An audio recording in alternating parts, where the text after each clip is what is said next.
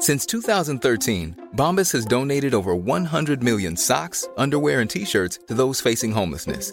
If we counted those on air, this ad would last over 1,157 days. But if we counted the time it takes to make a donation possible, it would take just a few clicks. Because every time you make a purchase, Bombas donates an item to someone who needs it.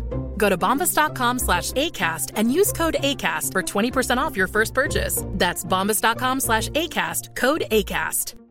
There's never been a faster or easier way to start your weight loss journey than with PlushCare. PlushCare accepts most insurance plans and gives you online access to board-certified physicians who can prescribe FDA-approved weight loss medications like Wigovi and Zepbound for those who qualify. Take charge of your health and speak with a board-certified physician about a weight loss plan that's right for you. Get started today at plushcare.com slash weight loss. That's plushcare.com slash weight loss. plushcare.com slash weight loss. Hold up. What was that? Boring. No flavor. That was as bad as those leftovers you ate all week. Kiki Palmer here, and it's time to say hello to something fresh and guilt-free. Hello Fresh. Jazz up dinner with pecan-crusted chicken or garlic butter shrimp scampi. Now that's music to my mouth. Hello Fresh. Let's get this dinner party started. Discover all the delicious possibilities at hellofresh.com.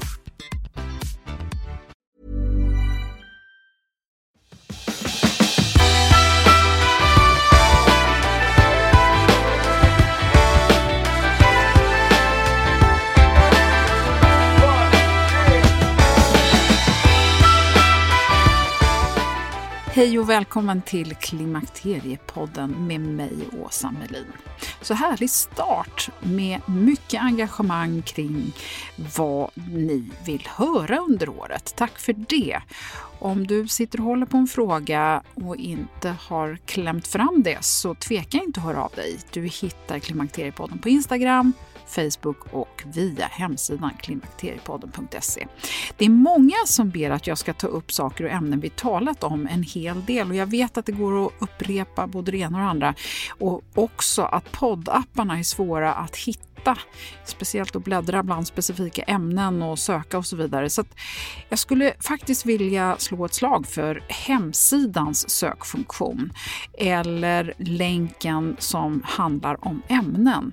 Jag kan faktiskt själv bli förvånad ibland över eh, vilken enorm mängd saker vi talat om och att det liksom inte riktigt tar slut. Så eh, nästa gång du sitter vid din dator, kolla in klimakteriepodden.se. Det kan kanske kanske ge dig lite lättare navigationsförmåga. Nu så ska vi tala om lymfsystemet och jag tror faktiskt inte att det har nämnts nästan alls. Och det är så mycket nytt för mig och jag ber om ursäkt för att eh, den här, eh, liksom, eh, jag far iväg lite grann så att det, utanför manus, men eh, här kommer verkligen mitt nyfikna jag till sin rätt. Gisses vad det här är spännande. Framförallt så känner jag igen det här med svullenhet kring anklarna, du vet strumpmärken. Eller hur jag kan vakna och känna mig plufsig och svullen runt ögonen. Eller efter en lång promenad, hur fingrarna är alldeles vita och svullna. Eller du kanske känner igen att du inte släpper vikt vad du än gör. Vad är det här för någonting? Ja, du ska få ett smakprov på allt det här, så välkommen att lyssna.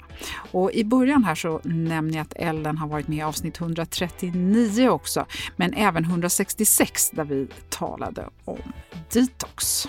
Så välkommen att lyssna.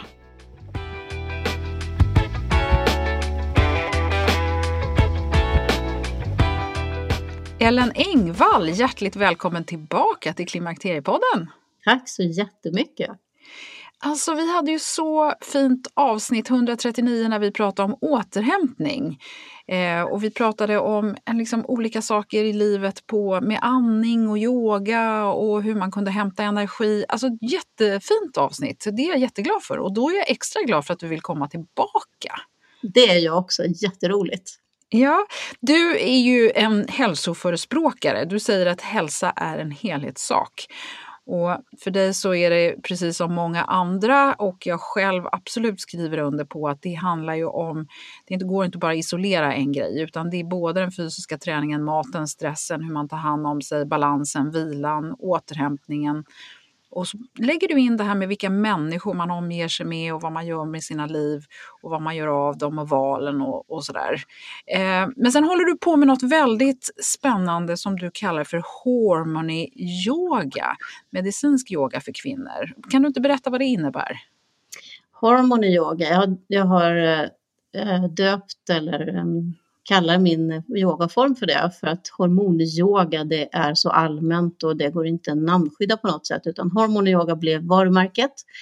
Eh, och det handlar om hormonyoga, eh, medicinsk yoga för kvinnor. Och i, i, den gör vi yoga naturligtvis, lugn, inkännande, meditativ yoga. Och vi fokuserar mycket på körtlarna i kroppen, medvetandegöra olika områden, körtelområden och hur det känns i kroppen och lära känna oss själva. Eh, men det innefattar också kost och livsstilsfaktorer för att helheten som du sa förut, den är ju jätteviktig för att vi ska må bra. Det hjälper inte att yoga en gång i veckan och sen äta jättedåligt till exempel, för då mår vi inte bra i alla fall. Ehm, så att jag håller kurser och workshops i det här och jag utbildar också lärare i, i hormonyoga och har även i det här konceptet gravidyoga, men det är inte det här den här målgruppen riktigt. Men i och med att jag är barnmorska Nej, så... men jag tänker att det, det, ja, precis, det är så spännande för du har lyckats väva ihop liksom hela hormonkonceptet med PMS och klimakteriet och bäckenbotten och eh, gravida. Alltså, och vi kvinnor är ju väldigt hormonella varelser tänker jag. Verkligen. Hormonerna påverkar oss från det vi föds till det vi dör, även männen naturligtvis. Men så fort vi kommer i puberteten och vår menstruationscykel startar upp, då pågår ju cyklerna hela tiden och de fortsätter även efter klimakteriet. Kanske inte lika eh, tydligt, men de flesta kvinnor känner av sina cykler och olika stämningslägen genom eh, månaderna som går. Så. Så att eh, vi lever ju en ständig svängning och det gör att vi lättare tappar balansen, eh, vi mår lättare, eh, alltså vi mår sämre oftare än männen för att vi, är, vi svänger. Ja. Vi behöver ta hand om oss på ett annat sätt än vad männen gör för att eh, eh, vi är känsligare på grund av hormonsvängningarna helt enkelt. Ja, och det påverkar ju så mycket. Man behöver ju inte spendera särskilt många minuter på nätet i de här olika forumen mm. för att förstå att kvinnor, det, ham, det slår på något sätt, det går i baklås för väldigt många. Och så hakar det upp sig på ett ställe, sen innan du vet ordet av så är det på något sätt en stökröra i hela kroppen. Mm, det, stämmer, det stämmer verkligen bra för att det som händer när hormonerna svänger det är att det startar olika processer och, och till exempel ett, ett, vanligt symptom på hormonsvängning det är ju att vi blir sugna på saker. Och då börjar vi äta socker, vi kanske dricker kaffe, alkohol. Och det gör att vi kommer ur balans och det leder till andra dåliga val att vi, vi blir oroliga och kan inte sitta still, inte koncentrera oss, vi kanske glömmer träna, blir stressade. Alltså, det blir en enda eh, kaotisk snurr av allting. Ja. Eh, ja. Så att man snärjer in sig helt enkelt. Nej men och då tycker jag också att det är så fascinerande i och med att du har att du är barnmorska i botten så har du ju du, du har ju den medicinska ingången, vilket jag också tycker är kul och mm. gör att du kan säga saker med, med visst eftertryck. När jag säger saker så är det mer så här, ja men jag vet att det funkar på mig. Jag mår bra av det här. Men nu ska vi prata om någonting som är är lite komplicerat, för att det, det pratade vi om inledningsvis här, att det här är superviktigt, eh, lymfsystemet. Mm. Och eh, då är det ju också så här att vi många känner av det här just i övergångsåldern. För man blir svullen, man drar på sig vikt, man har en massa stress i kroppen och det i sin tur genererar inflammationer. Och precis som du sa nu så blir det ena leder till det andra. Sover man dåligt så tenderar man att bli ännu mer söt, sötsugen och så får man livsstilen fel och så blir man trött och så orkar man inte röra på sig. Och så, mm. Det blir bara en stor slagg propp, tänker jag. Ja, man blir en stor slagghög helt enkelt. Ja, och då tänker jag så här att vi ska lära oss lite grann om det här idag och eh, hur vi kan stödja kroppen så att vi kan eh, må lite bättre. Mm. Och då mm. tänkte jag börja med Ellen, du får berätta, vad är lymfsystemet? Vad, hur fungerar det och vad har det för uppgift? Ja, alltså lymfsystemet, det är ju välkänt. Samtidigt så vet människor inte om det här, gemene man så. Eh, och lymfsystemet är helt enkelt ett eget kärlsystem som löper parallellt med våra vener, de, det är blodkärlen som tar blodet tillbaks till hjärtat. Och det är en jätteviktig del av cirkulationen. Det är till exempel, det tillhör kroppens immunförsvar. Men alltså är det vätska i någon form av, av ja. isolerade rör eller vad, vad är det? Ja, det, alltså det är kärlsystem där det rinner eller det flyter någonting som heter lymfa. Det kan man se om man skadar sig att det kommer ut sån här genomskinlig vätska. Och ja. lymfa består av vatten och proteiner, vita blodkroppar, fettsyror, bakterier, skadade celler eh, och gifter av olika slag som vi får i oss. Och lymfsystemet det, är, det fungerar både som avlopp och reningsverk för kroppen. Eh, och, och, vem är det som så att säga är chef över lymfan? Om man kan säga att blodomloppet i hjärtat är chef för, förenklat. Alltså, eh, chef, man kan inte säga på det sättet för lymfsystemet har ingen egen pump utan den drivs av kroppens rörelse och våra muskler. Så mm. är vi stillasittande så flyter det inte helt enkelt. Mm. Då blir det jättedålig cirkulation. Och med tanke på våra problem i samhället idag med att folk rör sig för lite så kan du bara tänka dig vad det leder till. Dålig lymfcirkulation, där vi samlar på oss mycket gifter, alltså det kommer inte ut för det flödar inte. Men var ska det komma ut någonstans? För systemet är inte stängt då, fattar nej, system, nej, men det är en bra fråga. Systemet är inte stängt, utan Eh, det cirkulerar i kroppen. Eh, det, riktningen är att det cirkulerar mot eh, bröstkorgen eh, där det vid nyckelbensgropen på vänster sida tömmer sig ner i venerna som går ner mot eh, njurarna och så filtreras det ut där. Helt enkelt. Wow, så vi kissar ut lymfan kan man säga? Ja, vi kiff, ja, vi, ja, nej inte lymfan utan det är gifterna och slagget. Ja, okej, okay, men slagget från lymfsystemet kissar ja. ut? Så är det man... därför som man kan liksom kissa som en galning ibland när man har gjort vissa saker? Alltså man känner att man har fått verkligen, att man säger att saker är vätskedrivande. Är det lite som att lymfdriva? Ja, det, det tycker jag till exempel är vanligt efter ett yogapass. Åh, vad jag sprang och kissade. Jag har varit uppe hela natten. Ja, men då har man fått fart på sin lymfsystem och det kanske har varit lite stagnation ett tag i det.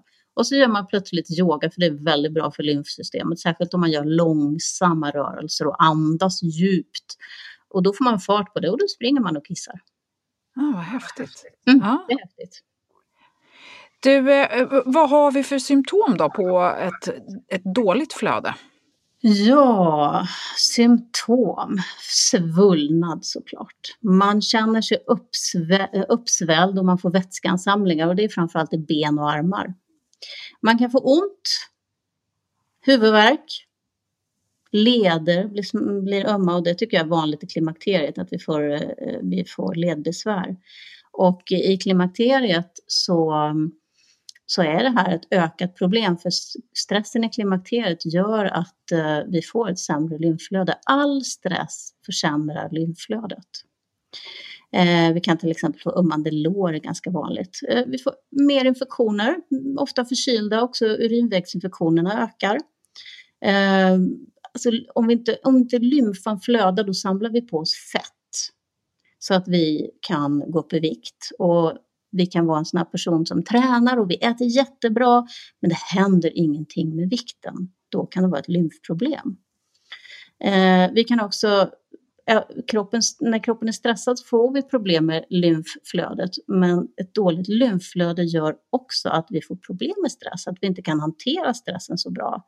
Det leder till hormonella svängningar för att det handlar om stressen också.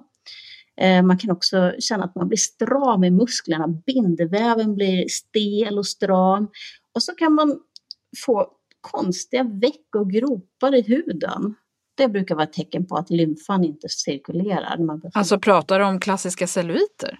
Det är en del av problemet. Det är inte hela sanningen kring celluliter, men det är, det är en del av problemet. Och man kan till exempel om man ser på överarmarna, det, det kunde jag notera när jag blev äldre här, att, att det blev plötsligt gropar där. Jag tänkte, var kommer de där ifrån? Och de försvinner när man börjar jobba med lymfmassage. Mm. Celluliter försvinner dock inte på samma sätt för det finns en annan, det finns, har med bindväven och så att göra också. Okay. Så det är väl huvudsymptomen som man, man ser. Så det är ganska många symptom som du märker. men, men kan det här alltså, eh, om lymfsystemet, i och med att det är ett system, så, så tänker jag ju så här, är det inte konstigt då att man samlar på sig vätska på ett isolerat ställe? Eller är det så att man kan ha flöde på vissa ställen men inte på andra, att det stryps? Så lymfcirkulationen det, det, blir ju de extremiteter som är längst bort som man märker det främst. Men sen kan lymflödet bli strypt också naturligtvis om man till exempel har skador i kroppen, sitter och klämmer åt, eh, man kanske har kläder som sitter åt, man sitter mycket så att det blir stas i ljumskarna. Ehm, alltså man sitter med benen neråt mycket, då, då är det svårt för um, lymfan att cirkulera. Ehm, Operationsärr är vanligt att det stör också. Så att det, ja, ja kan man väl svara på din fråga. Ja, och jag tänker också då så här direkt på bygel-bh. det blev så här. Alltså bygel-bh, det ska man bara ha när man vill vara snygg. Sen ska man ha såna här fina mjuka bh på sig som ja, särskilt nu under pandemin behöver vi faktiskt inte gå runt med bygel-bh. Vi är inte ute nästan, eller om vi är ute så sportar vi massa eller promenerar. Mm. Och utbudet av eh, bra bh är jättestort nu för det är, det är många som inte vill ha byglar längre. Nej. Du, jag tänker på de här strumpmärkena som är ganska många kvinnor känner igen och som ofta sammanknippas med att man är lite östrogendominant och samlar på sig vätska. Mm. Eh, är, det, liksom, är det samma sak? Det östrogendominansen gör att lymfan funkar sämre? Eh, ja, det kan man säga. Östrogenet är ett hormon som gör att vi samlar vätska. Och i förklimakteriet eller framförallt efter 40, då slutar vi ju, då har vi inte ägglossning hela tiden. Vi kan ha en menstruationscykel pågående jättelänge utan att vi har ägglossningar hela tiden. Eh, och eh, ägglossningarna, det är de som gör att vi får en bra mm, progesteronproduktion. Eh, och eh, när vi inte har ägglossning så har vi inte så mycket progesteron och då får vi eh, en östrogendominans då, är, då blir det för mycket, relativt för mycket östrogen och det här gör att vi blir svullna. Det är ett av symptomen på östrogendominans. Så att det, det ger en störning i lymfsystemet. Återigen, det går inte att isolera saker eh, utan allt hänger ihop. Vi kan väl ta riskgrupperna först tycker jag. Riskgrupper, mm. för det finns riskgrupper och framförallt är det om man sitter stilla mycket och har en passiv livsstil. Soffpotatisarnas eh, dilemma. Och naturligtvis alla som inte kan röra sig. Tänk på alla som sitter i rullstol eller har skador och inte kan gå, gå och röra sig på ett bra sätt. Alla äldre och sådär också. Eh, det är en, en av de största riskfaktorerna. Lovisa Sandström sa ju också, tyckte jag, väldigt intressant i ett avsnitt här eh, nyligen, att ett av problemen är att de som tränar mycket rör sig lite man kanske tränar fyra pass i veckan, men det är fyra timmar. Och det tycker man kompenserar för att man sitter still resten av tiden. Och så ja. är det ju inte. Nej, det är jättebra att du säger det för att det, det, jag tror att det är väldigt, väldigt sant. Man tänker okej, okay, jag måste röra på mig så lägger jag in det i vissa punkter så bara och så tänker man då har jag gjort min träning för den här veckan. Men det är vardagsrörelsen som är viktig, att vi går i trappor, vi tar promenader och det pratas ju mycket om de här 10 000 stegen som vi ska göra varje dag. Jag tycker det är mycket att göra.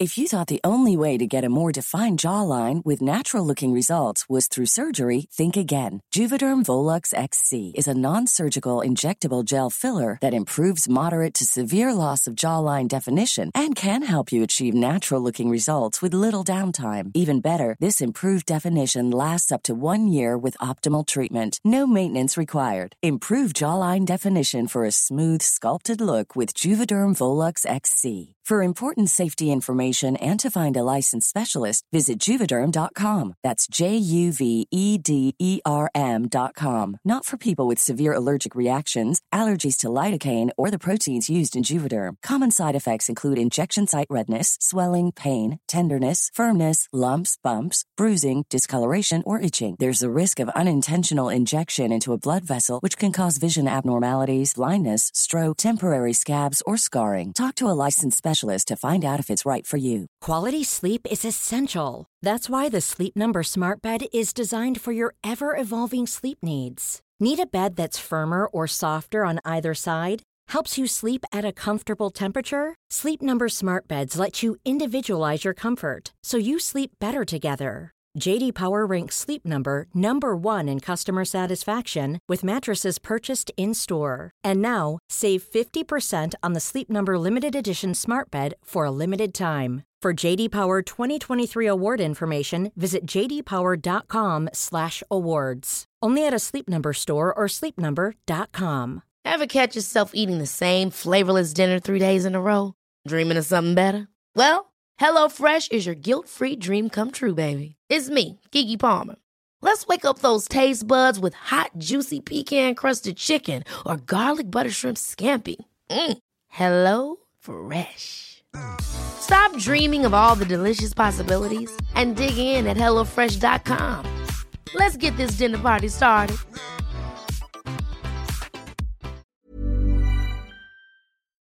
Det är härligt att klimakteriets tabu äntligen är på väg bort.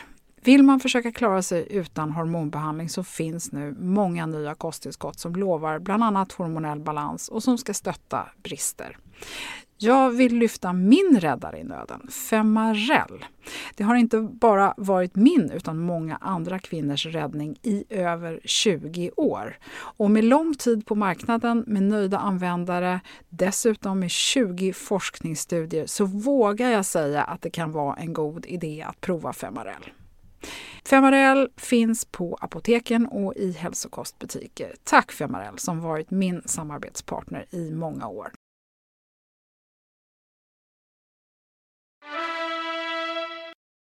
En annan sak just när det gäller det här med, med att röra på sig.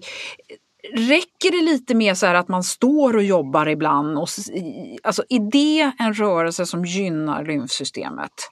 Det är viktigt att man ändrar position. Man ska inte sitta hela tiden. Och det är bra att ha, en, eh, att ha stående som du säger. Man kan stå och jobba.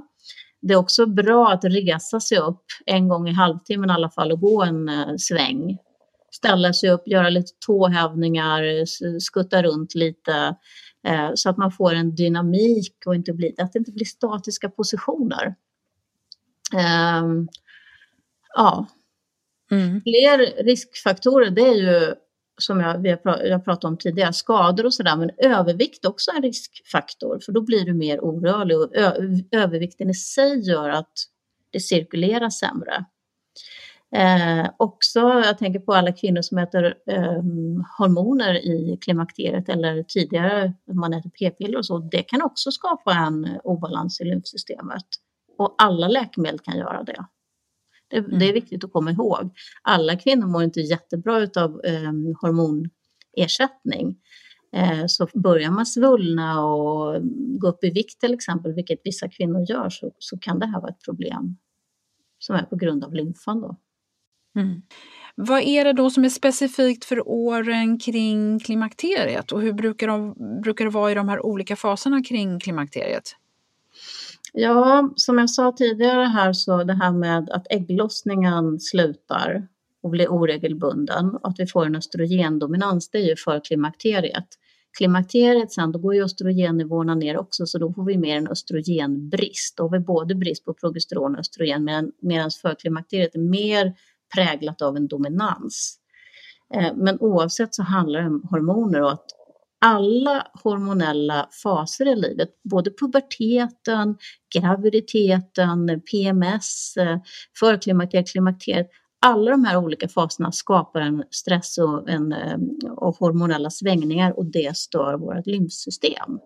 Det är därför vi kvinnor måste ta hand om oss väl alltid. Det räcker inte när vi kommer till klimakteriet utan vi behöver lära våra döttrar att ta hand om sig också. Eh, och vi har någonting som heter OTA-axeln. Har du hört talas om den? Mm, det har bland annat eh, Mia Lundin och eh, Louise Edlund pratat om i podden, men jag tycker att vi kan repetera det för det är jättekomplicerat. Mm, OTA det står för Ovary, Thyroid and Adrenal, alltså äggstockar, sköldkörtel och binjureaxeln. Och de här är intimt förbundna med varandra, så är det obalans någonstans så blir det obalans i alla körtlar. Man kan inte isolera körtelsystemet. Jag får ofta frågor från yogaelever, men jag har problem med sköldkörteln, vad ska jag göra för övningar då? Man kan inte säga så, för att det hänger ihop alltihopa. Eh, så att när vi kommer i klimakteriet och äggstockarnas funktion börjar avta, då påverkas direkt även binjurar och sköldkörtel. Ämnesomsättningen går ner, vi blir mer lättstressade och binjurarna påverkas starkare. Det kan, det kan nästan alla kvinnor i klimakteriet eh, vittna om att man är mycket, mycket stresskänsligare och man går lättare upp i vikt. Det är det vanligaste i, i klimakteriet, att man går upp. Sen är det vissa som går ner, men det är men du, det här när man är stresskänslig, mm. vad, vad menar man? Vad, vad, jag lyssnade på en annan podd här faktiskt så sent som i morse och då pratade man om, och vi pratar om stress hela, hela tiden här i podden. Mm. Men vad är ett tecken på, för att många kvinnor säger då så här, jag är inte stressad, jag känner mig inte stressad, men vad är ett tecken som man ändå kanske kan ta till sig då på att man är stressad på ett sätt som påverkar då kroppen och just den här OAT-axeln? Alltså, först måste jag kommentera det här med att många säger att jag är inte stressad och det tror många. Den kommentaren får jag också väldigt ofta, men då tänker man på stress som att jag har för mycket att göra. Men stress kan bero på, till exempel nu när vi inte har så mycket ljus, det är en stress för kroppen. Eh, att vi tränar för mycket eller för lite, att vi äter fel mat till exempel. Eh, vi eh, sover inte tillräckligt, vi har eh, felaktiga relationer eller relationer vi mår dåligt utav.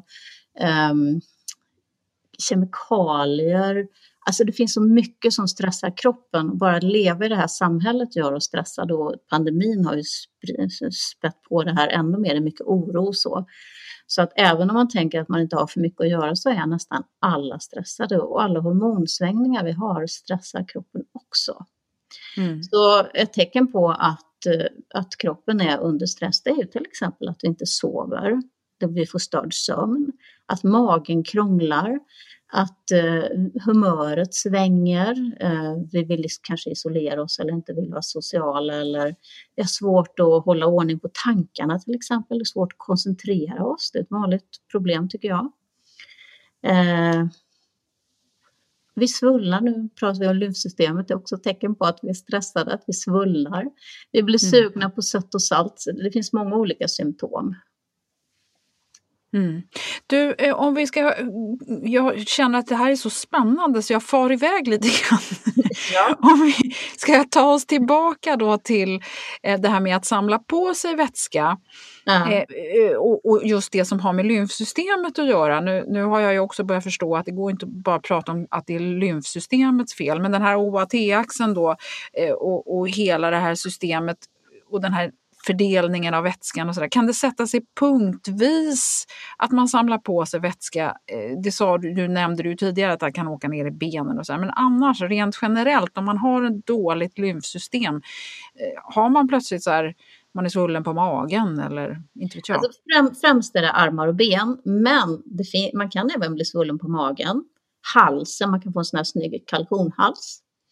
Ansiktet kan man också bli svullen i. Runt ögonen är det vanligt att man blir lite puffig sådär. Det kanske man har känt någon gång.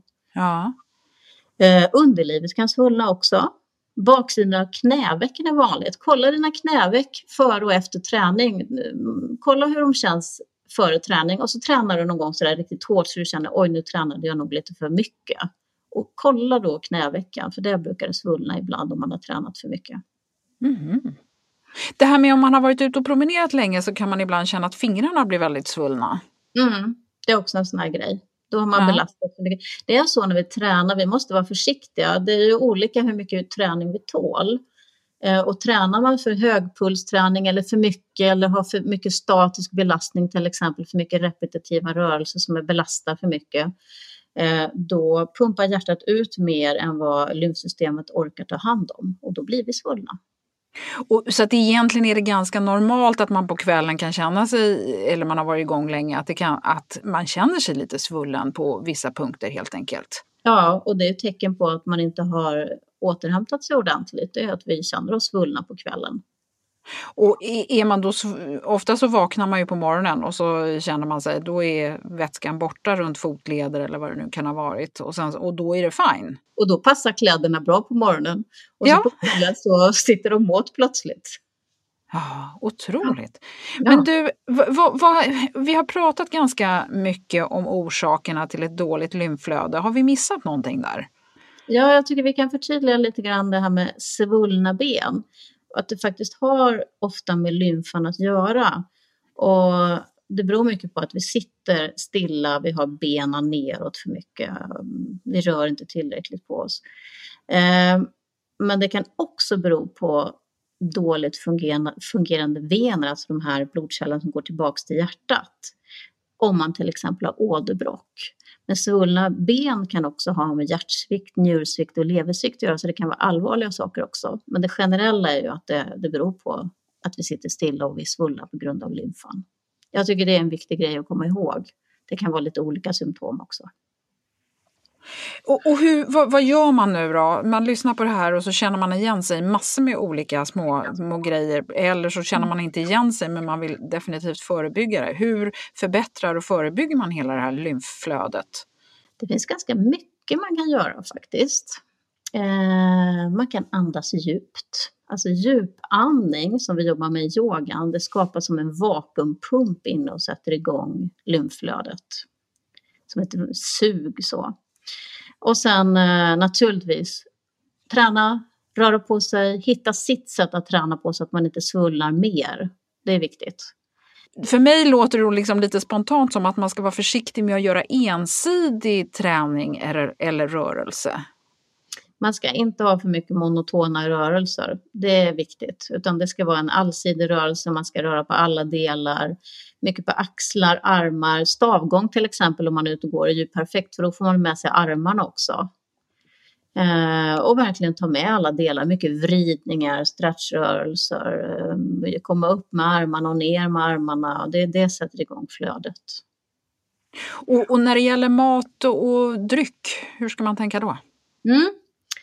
Mat och dryck, eh, till exempel kaffe, alkohol, vätskedrivande saker som kaffe och te till exempel, det försämrar lymflödet. Det stör eh, vätskebalansen och lymfflödet har med vätskebalansen att göra. Eh, och mat, det är viktigt att inte belasta kroppen med för mycket gifter och att vi inte har ett svängande blodsocker. Många kvinnor kommer till mig och frågar vad ska jag äta för någonting för en bra hormonbalans? Och jag, alltså, blodsockret, jag kommer alltid tillbaks till det. Det är svårt det här med kost och många har svårt att ändra kosten över tid. Det kan vara okej okay att göra en diet ett tag, men sen så tappar alla det. Så det viktigaste vi har är att hålla ordning på blodsockret. För svänger blodsockret så startar vi upp adrenalinkickar hela tiden och binjurarna får jobba som attan för att hålla ordning på oss. Och det stressar kroppen och stress försämrar lymfflödet. Så är det bara. Eh, och eh, att inte vi belastar kroppen med eh, halvfabrikat, det är mycket E-nummer, mycket tillsatser, för det är gifter som kroppen måste hantera och det är lymflödet som tar hand om det eh, eller lymfsystemet. Eh, och eh, att vi äter rena produkter, ekologisk mat, eh, att vi äter mat som inte skapar inflammation i kroppen. Antiinflammatorisk kost pratas det mycket om. Det är, det är en, ett kapitel i sig som är intressant, men det, det är svårt att gå in, in, på nu tror jag. Men ren mat helt enkelt. Så vi pratade om det här att förbättra lymflödet. Det är både som du säger kost och träning. Men vi kan också till exempel torrborsta kroppen. Det får igång flödet jättebra. Vi kan göra massage, vi kan gå på lymfmassage, det är fantastiskt, det är jättehärligt. Eller så kan man göra den själv ni ska få en film av mig där jag visar eh, lymfmassage i en yogaklass som, som man kan göra det hemma efter den Mm, filmen. fantastiskt, perfekt. Ja, det är jätte, jätteskönt. Då får man en bra Eh, boost av oxytocin, det här lugn och ro-hormonet också. Det behövs ju nu i pandemin också när vi sitter ensamma mycket, att vi får beröring. Och vi kan ju faktiskt ge oss själva det. Eh, och sen kan man duscha varmt kallt om vartannat. Det sätter också igång cirkulationen. Se till att vi har fötterna på en eh, fotpall till exempel, så att vi inte bara hänger ner hela tiden. Eh, och sen se över vikten så att vi inte är överviktiga. Alltså att börja jobba med lymfan kan göra att vi går ner i vikt. Alltså om man är en sån här person som tränar och äter bra och ändå inte går ner i vikt, då kan man tänka okej, okay, jag kollar min lymfa och problemet sitter ofta inte i det man äter utan det, det handlar om cirkulationen och om hjärnan och våra körtlar uppe i hjärnan, hur de mår och hur de sköter hormonbalansen och så. Alltså, vi har olika lymfstationer. Lymfkörtlar har ju alla hört talas om. Dels har vi ett kärlnät av lymfa där lymfan rinner i eller transporteras i. Och sen har vi lymfkörtlar. Vi har också lymfatisk vävnad, till exempel brässen och, och, och mjälten. Det är lymfatisk vävnad också. Men lymfkörtlarna de sitter till exempel i armhålan, ljumskarna, knävecken. Finns i hela kroppen, men det är sådana här stora stationer. Och vid nyckelbensgropen, precis ovanför nyckelbenen så är det en grop. Det är det första viktigaste lymflödet för det här uppe det tömmer sig ut i blodbanan. På båda sidor? Framförallt på vänster sida, men båda sidor är bra. Men vänster sida är huvud. Så, så om man ska ge sig på det här med att göra lite egen massage, egen lymfmassage.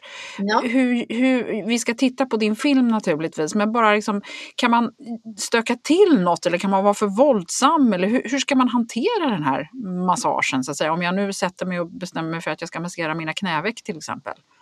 Ja, man, alltså man, man, ska göra det varsamt. Det ska vara ett fast tryck men inte hårt. Men det ska inte heller vara mesigt och så här en liten strykning bara utan ett fast tryck.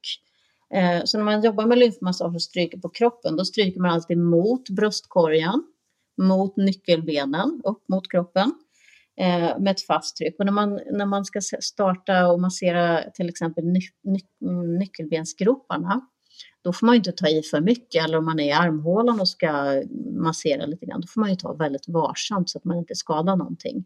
Man ska inte ta, ta i hårt.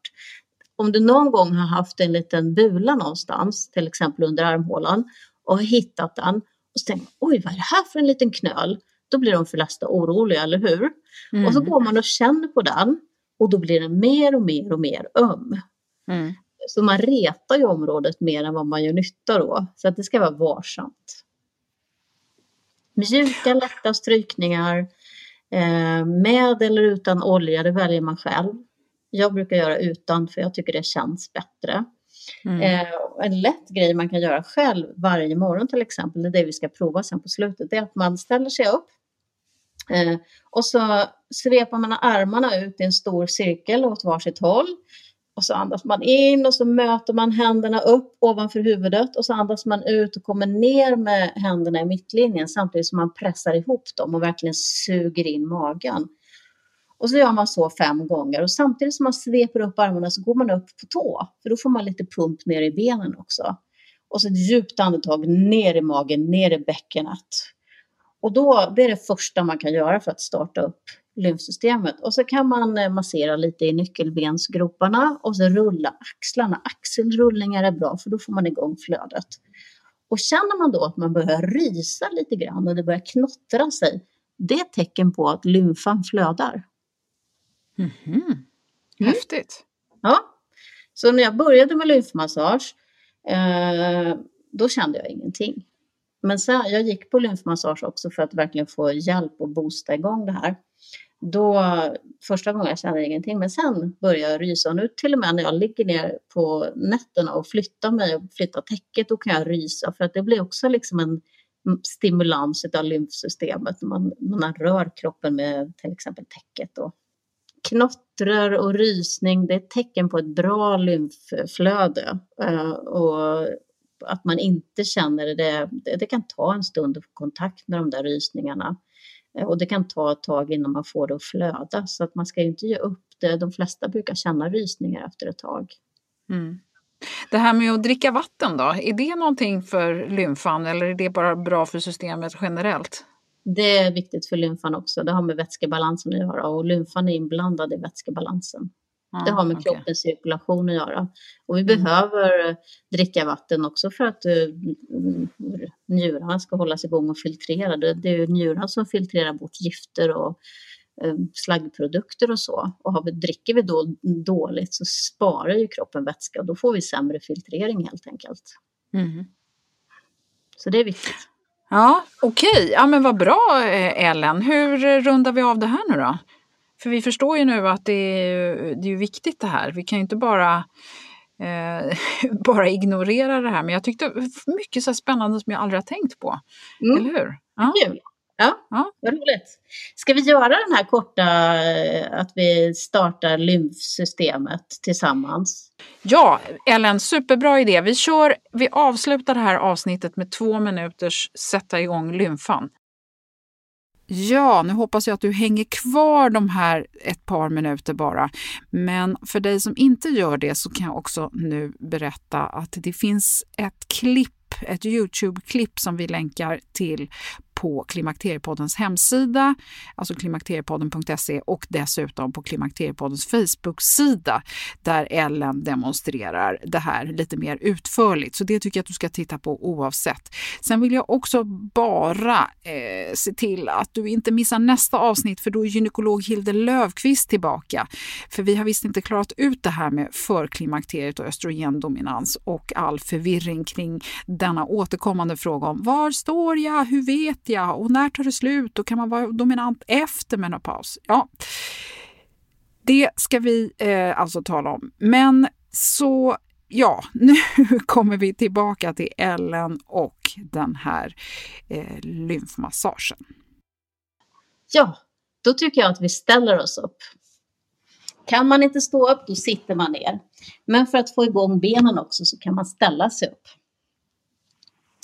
Eh, och vi börjar med att göra det som man inom lymfrörelsen kan man väl kalla det för, eh, änglavingar.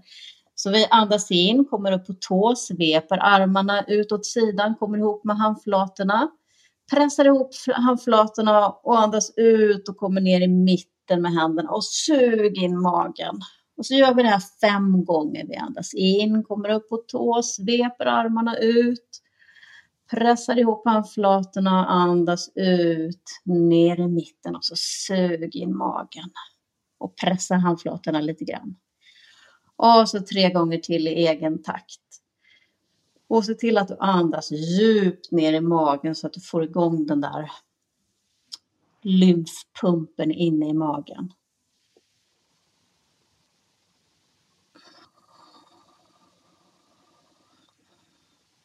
Och när, när du har gjort fem gånger så tar du i nyckelbensgropen och masserar lite mjukt. Bara cirklar runt lite grann. Och så rullar du axlarna bakåt och framåt några gånger. Så det här rekommenderar jag alla att göra varje morgon när du kliver ur sängen innan du gör någonting annat. Mm, perfekt, jättebra. Mm. Vet du vad vi gör? Eh, vi lägger upp en liten filmsekvens också på Klimakteriepoddens Facebook-sida så kan man eh, kika på den om man nu tyckte att det var svårt att veta exakt hur man skulle göra så får man en extra liten inspiration tänker jag. Eller hur? Mm. Vad bra! Eh, men då har vi förstått oss eh, på det här. För symptomen från lymfsystemet är ju allt det här från att man kan känna sig uppsvälld, man kan ha ont i lederna, man kan ha ömmande lår, man kanske ofta är förkyld, drabbas av återkommande urinvägsinfektioner, svårt att tappa vikt trots att man tränar och rör på sig, matvanorna och vad man dricker och har du problem med stress och huvudvärk så kan det också vara tecken. Och sen så de här hormonella svängningarna. Så det låter ju som att herregud, vi måste ta hand om vår lymfa. Ja, det är värt att eh, ge det någon månad och köra lymfmassage eh, och se vad, vad det ger kroppen tycker jag. Ja, ja men jättebra. Tusen tack Ellen för att du kom till eh, Klimakteriepodden idag. Ja, men tack själv. Det var jätteroligt att vara här.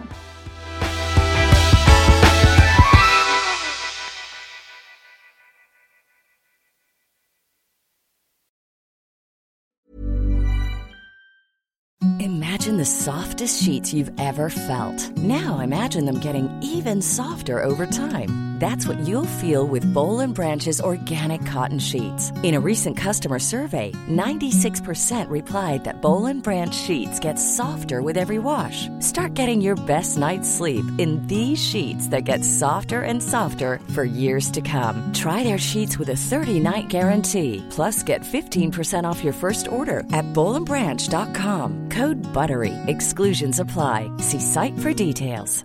Ever catch yourself eating the same flavorless dinner three days in a row? Dreaming of something better? Well, HelloFresh is your guilt-free dream come true, baby. It's me, Kiki Palmer. Let's wake up those taste buds with hot, juicy pecan-crusted chicken or garlic butter shrimp scampi. Mm. Hello Fresh. Stop dreaming of all the delicious possibilities and dig in at HelloFresh.com. Let's get this dinner party started. Hi, I'm Daniel, founder of Pretty Litter. Did you know cats tend to hide symptoms of sickness and pain? I learned this the hard way after losing my cat, Gingy. So I created Pretty Litter, a health monitoring litter that helps detect early signs of illness by changing colors, saving you money and potentially your cat's life. Pretty Litter is veterinarian developed, and it's the easiest way to keep tabs on your fur baby's health right at home. Go to prettylitter.com and use code ACAST for 20% off your first order and a free cat toy. Terms and conditions apply. See site for details.